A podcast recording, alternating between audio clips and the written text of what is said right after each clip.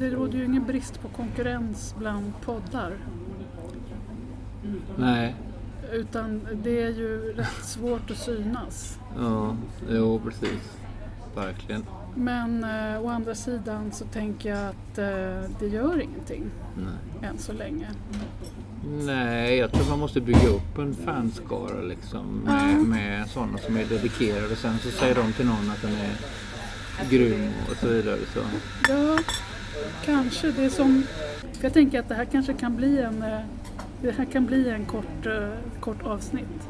Det här? Ja. Nej, Känn, känn, känn, ingen, känn ingen press. känn ingen press. Känn ingen sorg för mig, Göteborg. Mm. Nej men jag tänkte att jag ville presentera det för att det var så roligt när jag började jobba med podden så var ju det första jag kom att tänka på att jag ville ha en vignett. Mm. Det första jag tänkte på var musik. Ja, ja. Och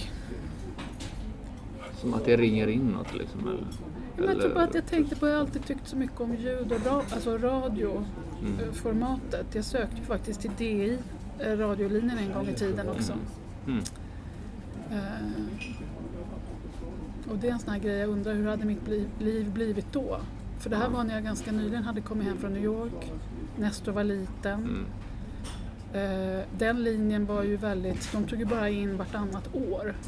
Tog de in fyra stycken. Var det radioproducenter eller var det... Ja, radioproducenter. Det fanns bara en radiolinje då. Det här var ju på Ja. 90-talet. Okej. Eh, och första gången jag sökte så gick jag ända vidare eh, hela vägen till slut och blev första reserv. Mm. Så de tog in fyra stycken och jag var en femte. Men, eh, så det var ju kul. Och så tänker jag, det är kanske därför jag vill göra en podd nu för att eh, jag kan ju... Revansch. Vad sa du? Revansch. Nej men inte så, för jag menar sen har det ju gått åt alla möjliga håll och jag har gjort andra saker så här. Men jag tror kanske att den där blandningen av journalistik och eh, liksom kreativt mer fritt skapande och radiodrama, allt som finns i, i ljudväg Mm. hade varit rätt bra för mig. Man kan hålla på både med samhälle och med konst och kultur och reportage och, och mer flummiga saker liksom. Mm. Men i alla fall så tänkte jag musik, någon sorts vignett först och främst och sen så eh, tänkte jag Miles Davis och så hittade jag en låt som jag ville ha en slinga ur. Och så, och så hörde jag av mig till den som har hans rättigheter där i New York och de bara Hi Maria, thanks for reaching out. How about we start at 250 dollars per episode Mm. I rättigheter. Och då så bara tackade jag dem så jättemycket och sa att det finns ingen budget liksom än och så. Och sen hörde jag av mig till dig. Så, så kan inte du bara kan inte du, för då så gjorde du och så skickade jag den där till dig. Kan inte du bara berätta hur du, hur du jobbade med den?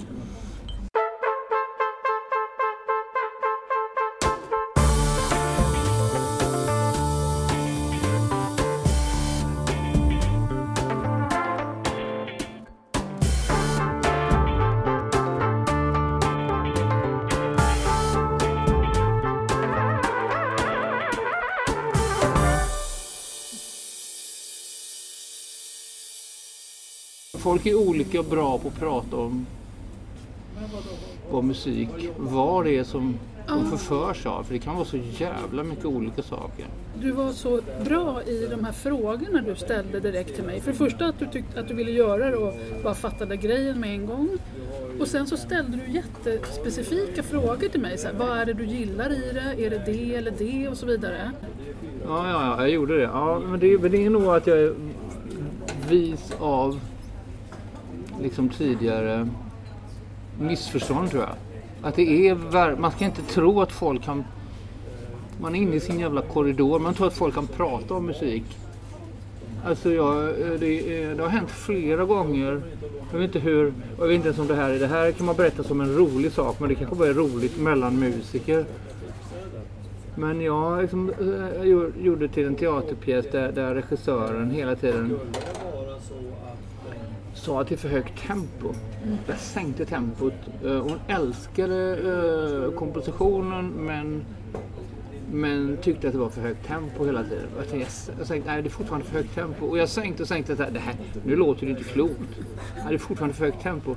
Och tempo, jag vet inte men du är medveten. Tempot är ju hur, hur, fort, hur fort det går BPM liksom. Exakt. Men hon menade det var för, det var för mycket saker i arrangemanget. Alltså, för för henne var det mycket? så sak, För för mycket saker i he- hela arrangemanget. Alltså det hände för mycket. Ja. Det, du, tänk, så hon tänker tempot, hur ofta kommer det fåglar liksom? Eller hur mycket grejer åker genom luften här? Det har ju inte med tempot att göra men för henne var det ju, det, det är ju begripligt om man tänker att det är saker som flimrar förbi så här. Ja. Man skiter bara det är förbi, skiter hon i men det är för mycket saker och hon kallar det tempo. Och det är, ju- på något sätt är det en sorts tempo. Ja. Det är inte det man använder musikaliskt som tempo bara. Nej men det där är ju jätteintressant. För att egentligen vad hon menade var det är för mycket innehåll på samma gång. Exakt så Ja. menar hon.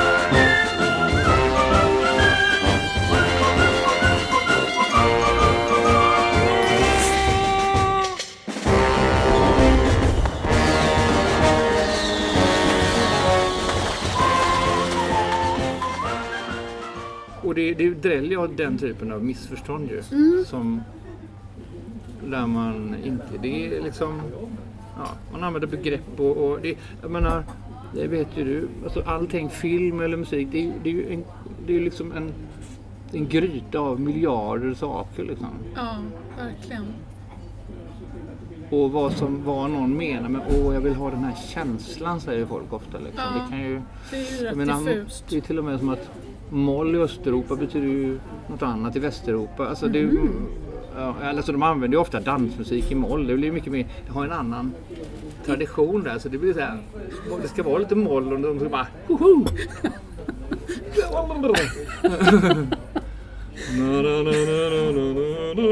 Och det är passion liksom. Så här, jag vet ja, men det är, Men vad intressant. Jag kommer att tänka på den där filmen eh, som kom bara för något år eller två sedan. Den här om de här dansarna i Georgien tror jag det var. Jag har glömt titeln Mm. på den nu. Men det är ju jättekonstigt apropå bara på olika hur man tolkar saker och sådär. ja. För att eh, där är det ju någon sån här, känns som sån här lite turistig skulle man kanske säga, eller skulle jag säga musik, eh, lite så här oh, på torget och lite så här folkdansartat. Och, Mm. Som, som, nu vet jag inte om det var jag, varför jag kom in på det apropå det här med moll, men jag bara tänker på just stilar och sådär. De är ju jätteseriösa de här dansarna som ska försöka uttrycka det här. Man kan hålla på tydligen då, alltså du vet i decennier för att, för att fullända den här som jag tyckte såg ganska corny ut, liksom folkdansen. Och ändå är den där det är ju verkligen en modern samtida film liksom om och det finns ett sån här gay-tema att det är jättetabu då i Är det Georgien eller säger Ja, jag fel? Georgien, det var ju den filmen om Vad hette And then den? we danced. And then we Eller något, danced. ja. Så heter den ja, precis. Levan Akin tror jag den heter, regissören. Ja, Superfin film. Men det är ju öst. Ja, mm, det. Ja. Men det var så här, de, de, de har tagit det där. det- Moll eller du, det är inte oväsentligt men det är nästan, det är mer tempo som bestämmer om det är, är det här glatt eller inte. Då är det, är det går det fort är det glatt. Ja. Det det är liksom...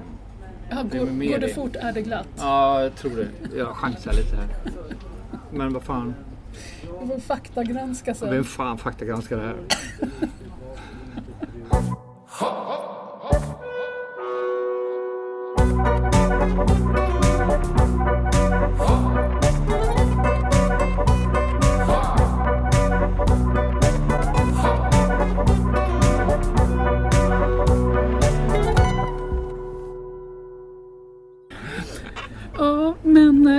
fördjupa oss i den här underbara vignetten till eh, människor och kultur då, med risk för att bli väldigt så här, interna. Men det är ju ändå den alla hör här. Alla, alla hundra, alla fem lyssnare. Ja, just det. Men det var ju, ro, det var ju, det var ju roligt eftersom det var som, som jag sa att jag, eftersom jag är en i grund och botten en liten ilsken trummis längst inne i mig. Liksom, som, eh, det, den som fick komma ut.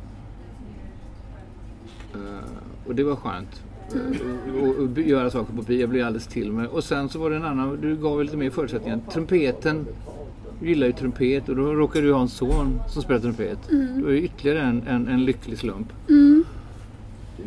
Uh, så um, det var ju det man hade att spela med. Sen var det bara att lägga någon sexig bas och, Ja, och, sen, och lite gitarr. Sen man, var vi hemma liksom. ja, verkligen. Det gick så lätt och, Men jag vet att det är supermycket jobb. Du har ju suttit väldigt många timmar med det. Men det var väldigt lätt att komma fram till det vi ville ha som var bra. I ett skönt format. Poddvinjett är ett skönt format. Om man, sitter, man jämför man sitter med en teaterpjäs och så får man, nu ska du göra någonting som är 15 sekunder. Ja, Då blir det ändå en brännfokus. Det är skönt att vara... Det är skönt att få vara...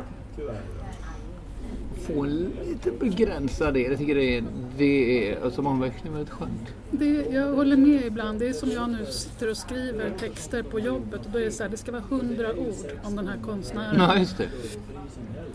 Så att ha eh, begränsningar kan vara frigörande. Gud i himlen ja. Jag har, och speciellt nu i de här, i, när man, man tänker i, i datorernas värld. Jag vet inte, det är väl i allas våran kanske som håller på, även för dig tror jag väl i våran kreativa bubbla. Men det är ju fullständigt obegränsat. Det var, så var det ju aldrig förut. Man skulle anlita en massa studiomusiker. Man skulle, ja, man skulle hyra en dyr studio. Man hade begränsat med tid. Och man hade definitivt inte alla sorts instrument. Nu, nu är det, har ju det blivit ett stort, stort problem. Det är ett jätteproblem egentligen. För att man har, du, kan, du, du har möjligheten med hjälp av datorn att spela, förutom vissa grejer som, som måste spelas in akustiskt som sång och sånt där förstås. Men nästan alla sorts instrument låter sig numera göras i, via bibliotek och sådär. Alltså spelas på via ett keyboard. Nästan allting faktiskt. Och det innebär att du har alla sorts... Du kan göra en klass, du ska göra klassisk, en orkester, en symfoni, symfoniorkester kan du låta. Eller punk eller... Men, det, så ibland, så ibland gör jag verkligen så att jag tvingar... Nej, nu, jag får bara använda tramporgel, bastrumma och så här cowboygitarr.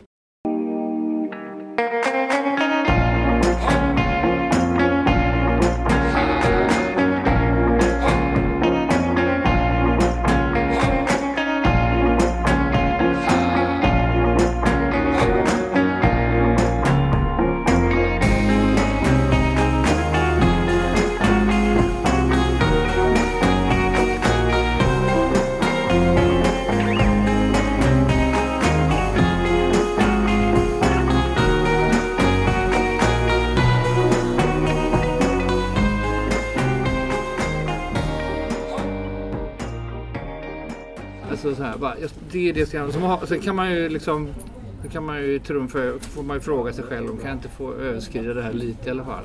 Och, och säger man ofta ja. Alltså cowboygitarr, menar du då så här, äh, du tänker in det att du vill ha den stilen eller finns det en speciell tonalitet? Nej, jag, jag, jag tänker nog på en klang, hur den låter. Att det är liksom så här ploinkigt stålfjoink-ljud och eh, liksom stort reverb. Och, det- alltså man hör lite så här, kanske Tarantino eller, eller något eh, surf Dick Dale eller något sånt där. Ja, Så, ja, alltså bara någon, någon klang. Ibland försöker man pussla ihop någonting som man inte har hört. Ja, chans, man kan bara chansa in konstiga instrument som, inte, som är lite något som är jävligt hypat och något som är töntigt instrument eller någonting. Men, Ja. men det är bara inte bara låsa in det i en bubbla och sen se vad som händer. ja.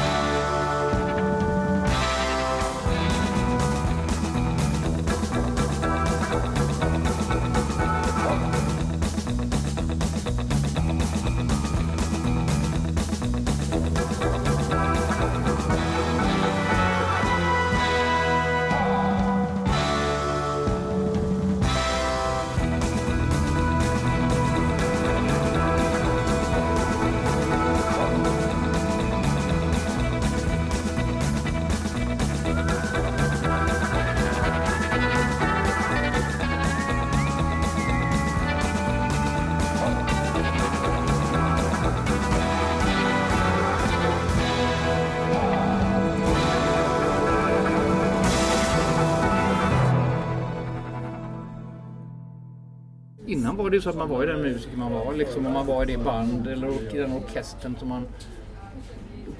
Då var det ju ingenting, det var inte det problemet liksom. Nej. Men började du, du började som trummis ja. Ja. Och du är från Göteborg. ja. Där var, det fanns ju en punkscen där. I Göteborg, apropå punk. Men jag, egentligen så är det ju så att jag under min vad heter det, förlossnings...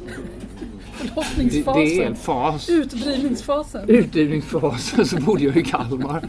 Och det var där allting startade egentligen. Aha. Så jag, när jag var tio år så, så, så, så kom eh, min elake far och sa att nu ska vi flytta. Jag älskar att bo i Göteborg. Då sa att vi skulle flytta till Kalmar. Så jag grät ju ett år. Va? Ah. Och det var ju det som var räddningen också för att det var, då, då hamnade jag i en mindre stad och jag hamnade i räddningen, det vet jag inte men ibland så, så intalar jag mig att det var ganska bra att vara en liten stad. Ja. När jag hade gråtit färdigt så hade jag förlåtit pappa och jag hade börjat spela trummor. Och det var ett hus som hette Musikhuset som är bara ett gammalt epidemisjukhus som, som var fantastiskt. Liksom. Det var många band, vi kunde repa hur mycket vi ville och vi hade fik och vi hade varje fredag konserter, vi gjorde kabaréer. Det var liksom jävla... och Det var alla vi som höll på med musik höll på där. Det är så en liten, lite större, alla de som är musiker, de är i det huset. Och alla de som samlar frimärken, de är på den gatan. Alltså allting, och poliskonstapeln, han borde... Alltså det var, jag överdriver lite, men det, är- men det är lite, lite grann med de här mellanstora städerna, som att allting är ganska tydligt på något sätt. Det visste inte jag.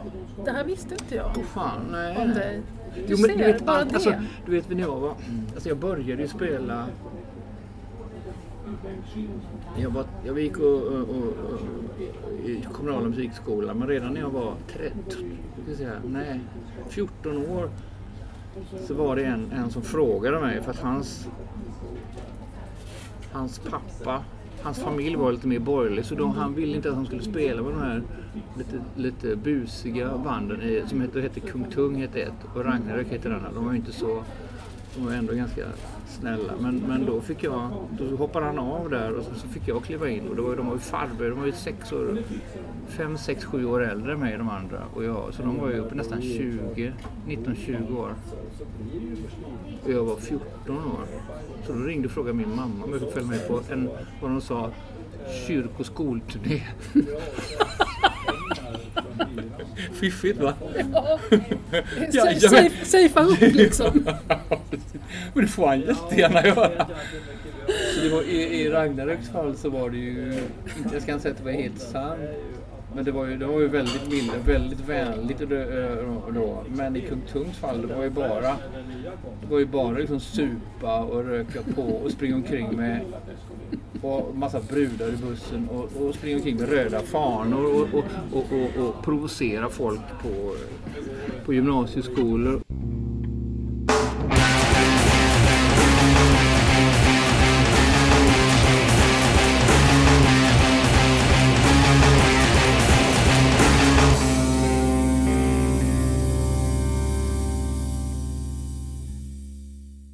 Kände mig ganska skräckslagen i stort sett hela tiden. Jag, tyckte, jag, hann ju inte, jag var ju så ung så jag kunde inte... Hur, och även om jag skulle vilja tycka att det var tufft och härligt och bara wow. Så var, varje gång jag kom hem så var jag lättad. Då kunde jag skryta för mina kompisar att jag hade varit ute på turné. Det var ju ascoolt. Men jag var ju, jag var ju egentligen hela tiden helt skräckslagen och livrädd och, och kände mig bortkommen. Men jag, jag spelar ju ändå. Ja. Men var du fortfarande 10 då när du åkte på den här kyrkoskolturnén? Nej, 14, 14. Ja, då var du, hade du blivit 14. Ja, men 14 var jag när Ja. jag började. Då, när jag började. Så, så var ju starten till allt. Sen var det, så var ju det hela vägen. Ja. Och sen, eh, sen, jag tänker, vi gör lite hopp här. Sen var det ju, för när vi lärde känna varandra, alltså vi hade ju, jag, vi hade ju en idé. Jag var så fascinerad, du, hade, du jobbade ju i mjölkkyl precis. länge och väl. Ja. Eller? Länge, länge och väl, ja precis. Ja. Ja. Och det var i Göteborg, eller? Mm. Det var Göteborg. Det, var, det, var, det, var, det präglar väl min syn av, av min tid i Göteborg efter Kalmar kan man, kan man Ja. säga. Det var ganska kall och mörk tid. Men det var ju kallt på mejeriet för att, för att produkterna inte skulle bli dåliga. Ja. Och eh, ja, det var mycket där. ja, men vi pratade ju om, eh, apropå där det var, ju när du och jag min son Nestor träffades här om sistens. Vi pratade om det här med att ha ett jobb att gå till och att det kan Mm. finnas. För du sa då att det var rätt skönt att bara sådär checka in Jo. på morgonen och sen stämpla ut. Ja. Verkligen. Ja, det kan jag ju. Alltså, det är så, det är så himla... Det är så tudelat det där för att jag... Varje gång jag känner mig gnälla över att vara frilans. Inte, fan, ska man, ska man, åh, man är inte bättre än sitt senaste jobb och nu måste man vara på tårna och allt det där känns, det finns en sån ständig stress eh, än när man lönen tickar in. Men men när, jag, när jag tänker mig in i situationen, det är lite bortskämt. Därför att egentligen så är jag ju oerhört tacksam över att inte behöva kliva in i den här, börja klockan fem på morgonen i den här svinkylan, svintungt och liksom, man är så trött varje dag så att man egentligen bara vill sova hela tiden. Så att man sov hela tiden. Tyckte, kommer jag ihåg att jag sov i stort hela tiden. Jag glömmer bort, eh, det, så det känns lite, det känns lite konstigt att gnäll, gnälla på det där. Alltså att man är frilans. Men det är ändå, med det sagt så, så, så, så tycker jag att det är lite det, alltså just att man, man stämplade ut med stämpelklockan och sen var man klar för dagen. Det var något oerhört härligt. Nu, jag, känner liksom aldrig, det finns alltid någonting att ligga och säga, just det där. Det, alltså, alltså att ringa den, eller all, all, allting från att vara du vet, smart i sociala sammanhang, det kan ge ett jobb, det kan ge ett jobb. D- Den, snacka med den, det är sånt. Eller, eh, och sen att bara vet, såna kreativa grejer är ju jävligt härligt och också jävligt jobbigt. De tar liksom inte, det finns alltid, antingen går det runt automatiskt, man kan ju liksom på natten vakna upp, just det, fan där, Precis. det är ju en jävligt bra grej. Så det, det, är liksom, det är både skithärligt och, och, och det korrumperar livet samtidigt. Jag, jag tänker på det när jag blev förälder faktiskt. Att, att ehm, när Agnes var min första dotter, när hon var liten, då var det så att då jobbade jag på Arla. Och då var det, då kom pappaledigheten var ju en sån total befrielse. Det var också bara att få vara pappa, slippa jobba. Där pengarna, jag fick ju ändå liksom föräldrapenning. Jag kunde bara vara pappa. Det var så win-win. Så det var liksom bara, bara superhärligt. Och sen så när jag blev frilans med de andra två barnen, yngre barnen nu. Eh, så med Ester och Ines så, så blev, blev då hade jag blivit frilans och jagade mina egna, egna jobb och jobbade som musiker. Då blev alltid de här pappaledigheten så här lite, det stod i vägen. För att det var hela tiden så här, jag, ska jag måste ändå försöka hinna den spelningen eller göra den, göra någonting till dem eller liksom så slipa på idéer. Det, blev, det stod i vägen då. Och det har att göra med att också jag tycker att mitt jobb var roligare men också själva förutsättningen i jobbet. Så att det är också ett problem att, att, man har, att jag hade ett roligare jobb eh, för att, eh, i förhållande till mina barn. Det kommer jag ihåg att det var en liten konstig baksmälla.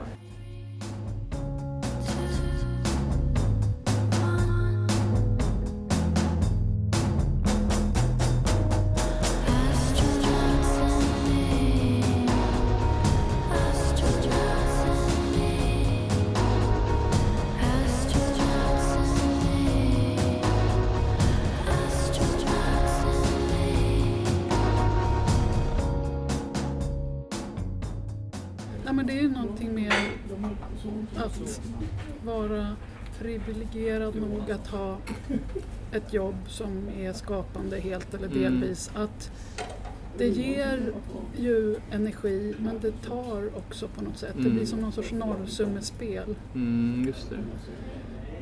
Eh, Ja. Men det är väl hur man är lagd också för Ja, att jag tror Ibland tänker jag att jag nog skulle hålla på och ha den här hjärnan som rullar hela tiden och vaknar vakna på natten och få idéer och komma ihåg saker och så här.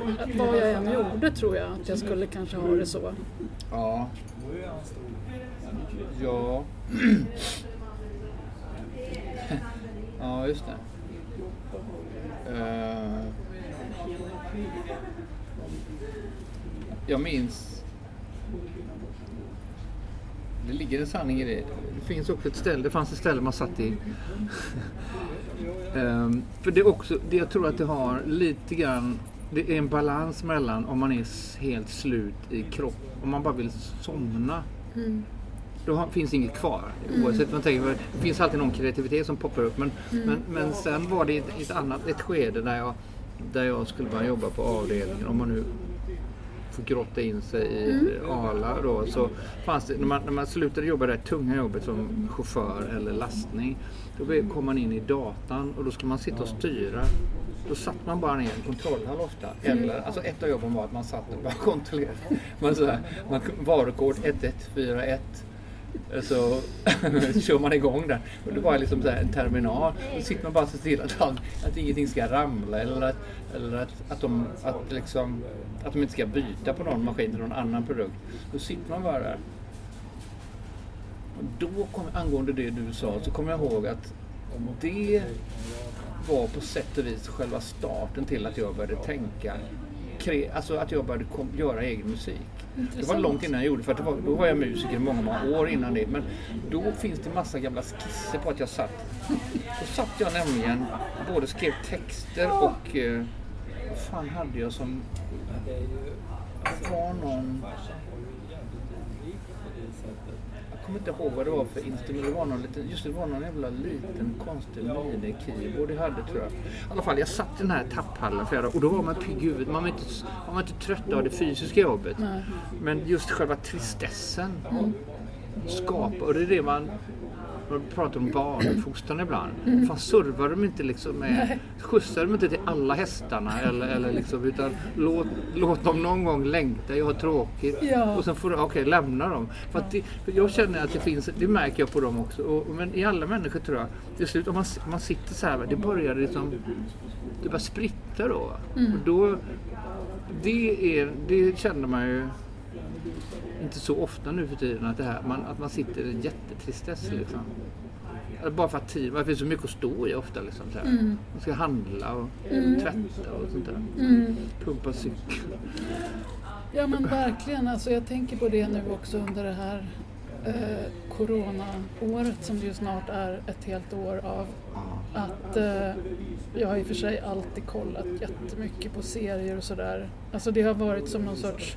Att, eh, och, och jag ser ju bara bra grejer och det finns ju mycket bra. Nu har jag i och för sig sett allt bra. Men jag tänker på vad, hur mycket om jag inte hade det att på något vis, för det är ju både avkoppling och sen är det ju också någon sorts det är någon sorts samvaro för mig. Liksom.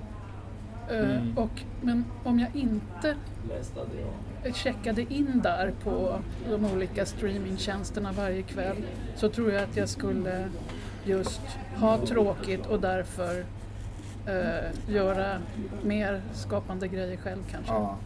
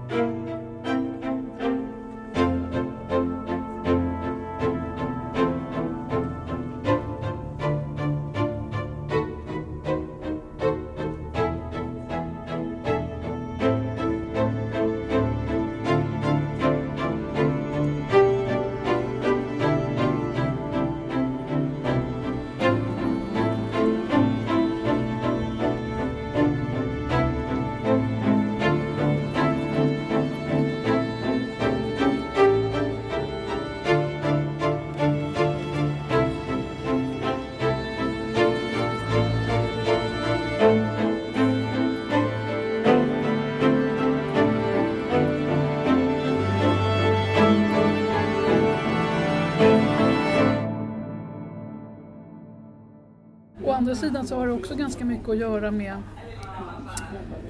för jag tänker jag pratade med en eh, god vän eh, som bor eh, i eh, Värmland som har läst, eh, hon har läst några texter av mig och så, tyck, så är, går hon igång på det och svarar på dem och, och verkligen så här, tyck, vill ha mer. Så här. Mm-hmm.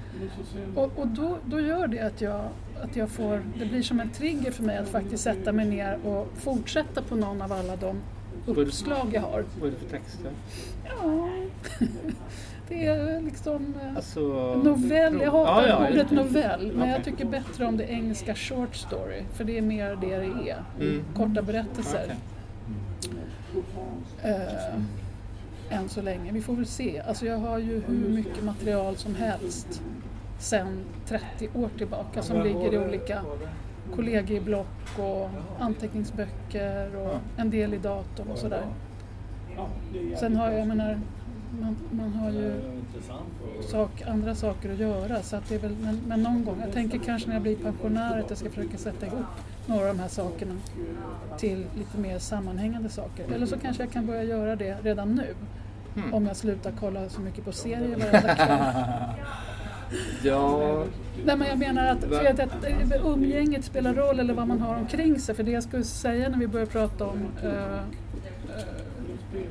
uh, mjölkkylen, det var ju när vi lärde känna varandra. Vi var ju, kom ju en bit på väg för jag tyckte det skulle vara så fruktansvärt roligt att göra en, just en serie om mejeriet skulle Ja. den heta. Kommer du ihåg det? alltså jag har kvar de här papperna. Jag egentligen skulle jag vilja... Den, jag tror att... Det skulle vara en sorts komedi som jag tror skulle blivit det skulle fortfarande vara skitkul. Då var det ju, för det har det inslag av The Office och massa sånt där som man inte... var verk, verkligen... Och den fanns ju inte ens då. Office, nej. Det, det var ju, påminner ju ganska mycket om Office. Eh, eh, förutom att det inte är en, en, Pappers... en som chef som står i centrum. Det var ju mer drivet ur olika anekdoter. Mm. Liksom. Jag, visste, jag visste, jag kommer inte ihåg hur jag... Om jag var, ja, just det, det var ju... Det var ju utgångspunkten var ju jag som var någon sorts normalitet tror jag. Eller någonting. Och sen så var allt annat, var det anekdoter som...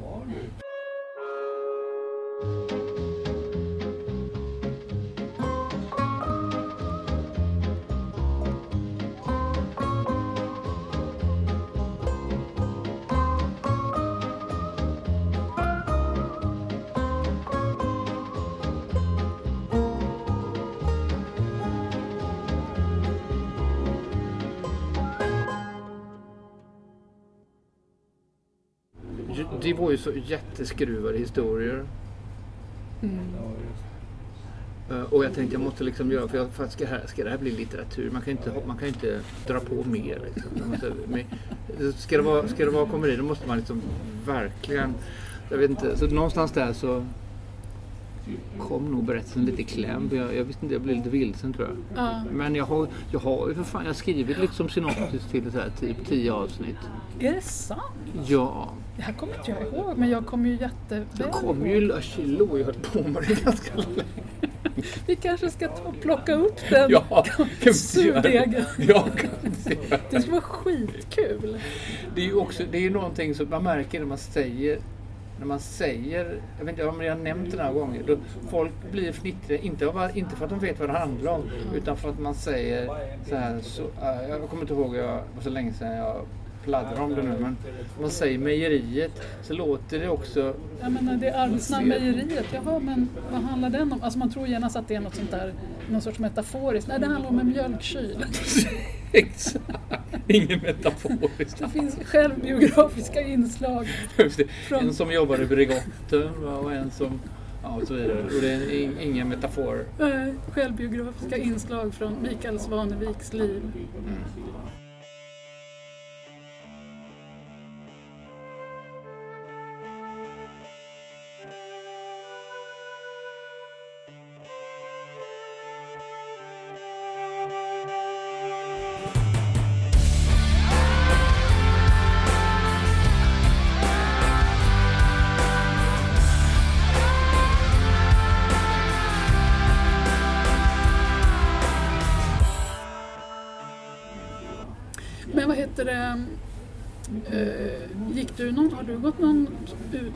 musikalisk utbildning? Eh, Kommunala musikskolan och några, några lite pluttkurser här och var. Någon liten en sommarkurs på Gotlands ton, Gotlands högskola. Var så här, musik till medier och film. Och så små Mm.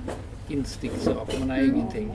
Men det är ju underbart för jag kommer att tänka på när du sa att det var när du satt i den där, när du hade på mjölkkylen inte det, det tunga jobbet utan Nej. satt och, och det här med koderna och ettor och nollor och sånt. Mm. För jag tänker att det är ju det datorer handlar om ju. Mm. Och nu gör du musik på datorn nästan helt. Ja, just det. Det är sant. Så, Det var dataoperatör hette det man hette då. Det var första gången. Precis. Det var precis då datorerna började komma liksom också. Ja. Liksom, ja. Ja, men vad kul. Men eh, jag tror att jag gör en liten ava nu då. Ja. Så kanske jag, jag, har, jag har inte tid att sitta och klippa nämligen, så det här kanske får vara som det blev nu. jag skulle ha gjort Oklippt. oklippt, ocensurerat. Director's cut. Ja. Nej men, eh, vad är det idag? Det är den 18 februari. Det är fortfarande snö. Ja, fortfarande. Det var snö nämligen när, när vi spelade in avsnittet om Gösta. Då var det nyfallen tunn snö. Nu är det mera sån där kramsnö. Och här på Wallins konditori på Ringvägen i Stockholm så ligger det så gråsörjig kramsnö utanför. Och jag är för dagen iklädd min eh, eh, mössa som sitter över mitt skitiga hår. Det är lite en uppdaterad version av Simone de Beauvoir hade ju alltid, eller ofta, turban om du har sett bilder på henne. Mm. Och det är otroligt stilfull look. Mm. Men jag har läst att den handlade om att hon eh, inte orkar tvätta håret hela tiden. Men det har jag, det har jag satt i mitt huvud i alla fall. Och eh, tittar ut på ringen. Eh, när jag var liten och tog bussen här borta vid Skanstull, då var det ju helt, då såg det ut som Berlin, här där ringen ligger nu. Och det var så här dubbeldäckare. Alltså var som en sorts eh, funktionalistisk eh, eh, Skanstulls tunnelbaneuppgång där. Det var som en bussterminal, alltså det såg ut som en helt annan stad. Och så tog jag bussen, eh, tunnelbanan först, gick av i Skanstull och så tog 54 för att, börja på, för att gå på, till Mariaskolan, för det var ju musikklasserna. Gick du det? Jag gick där och, och då när man var söder, bodde söder om Söder så började man, innan man gick till Adolf Fredrik, man började sjuan, så gick man i Mariaskolan på Ringvägen som var en filial till Adolf Fredrik. Så det är lite fint hur stan förändras. Eller jag tycker att det var finare då, men ringen är ju ganska bra på sitt sätt nu. Och så är det tygblommor här i fönstret. Ja, men det här blev nästan det här blev 37 minuter. Det är som Gösta-avsnittet. Jag säger tack så mycket då. Tack.